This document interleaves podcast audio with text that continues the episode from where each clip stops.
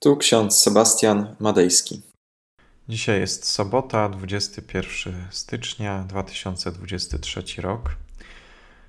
Dzisiejsze czytania pochodzą z Księgi Hioba, pierwszy rozdział, 21 werset. Nagi wyszedłem z łona matki mojej i nagi stąd odejdę. Oraz list apostoła Pawła do Rzymian, 13 rozdział, 14 werset. Obleczcie się w Pana Jezusa Chrystusa. Takie słowa ze śpiewnika ewangelickiego z pieśni 765 autorstwa Francesa Havergala. Weź Jezu Chryste życie me, w ręce Twe oddaję je. Weź mój czas i każdy dzień do ostatnich życia tchnień. Weź miłości mojej zdrój. Wszystkie rany serce zgój, abym kiedyś wiecznie miał w społeczności Twojej dział. Drodzy, nagość towarzyszyła człowiekowi od początku stworzenia. Dopiero grzech spowodował, że pojawił się wstyd ale odpowiedzią Boga na wstyd człowieka jest zbawcze działanie. Zapewnił pierwszym ludziom odzienie z sierści zwierząt. Poświęcił życie zwierząt, aby ludzie mogli poradzić sobie z grzechem. Ubranie ma za zadanie ukryć nagość i skutecznie niweluje poczucie winy i wstydu. Bóg przywraca człowiekowi godność w ten sposób. Tymczasem człowiek, aby poniżyć drugiego człowieka, często sprawia, że ujawnia czyjeś tajemnice, nawet te najwstydliwsze. Jest takie miejsce w Ewangelii, kiedy Jezus powiedział, że również mężczyzna, spoglądając na kobietę w sposób niewłaściwy, rozbierając ją wzrokiem, już grzeszy w swoim sercu. Już pojawia się ten grzech gdzieś wewnątrz serca. I współcześnie często mówi się o różnych problemach w kościołach. Ludzie mają tendencję do łamania pewnych granic, przekraczają je swoim wzrokiem czy dotykiem, swoim działaniem.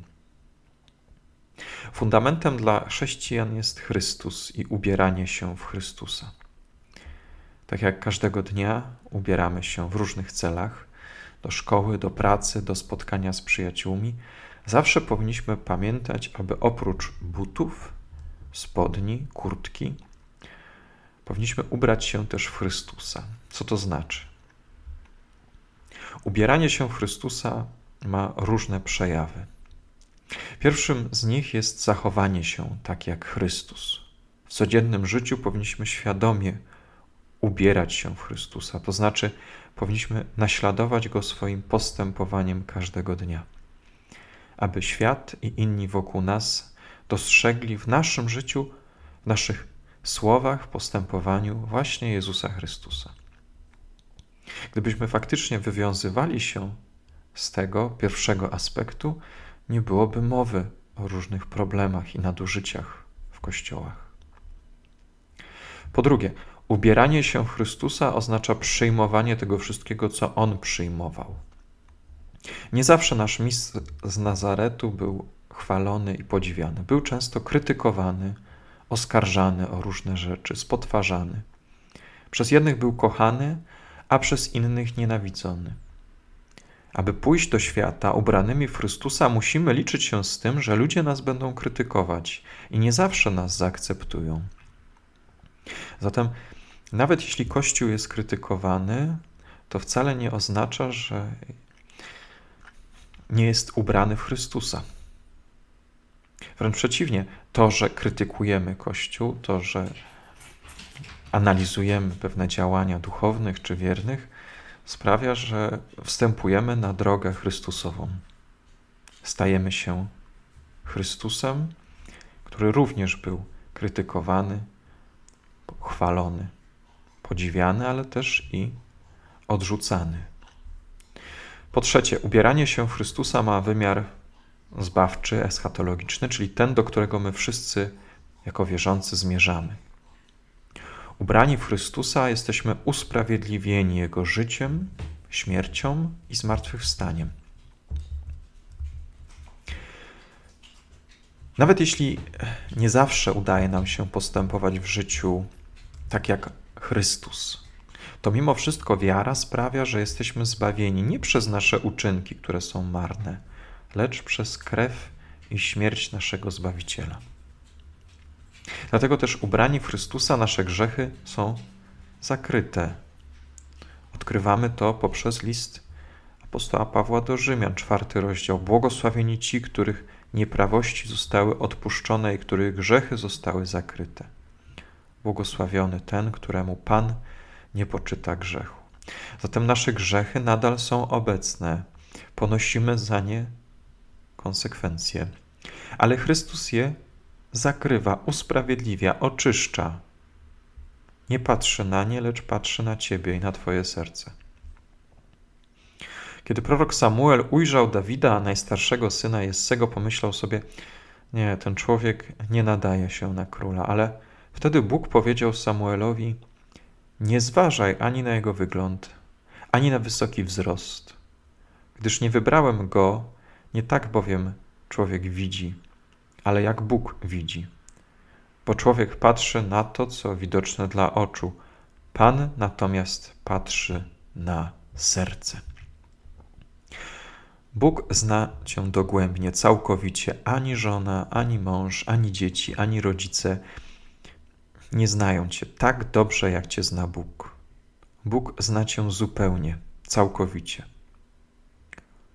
Ubrani w Chrystusa jesteśmy bezpieczni, zbawieni od wstydu, wrogości, nienawiści, nieprawości, a nawet i od śmierci jesteśmy zbawieni w Chrystusie.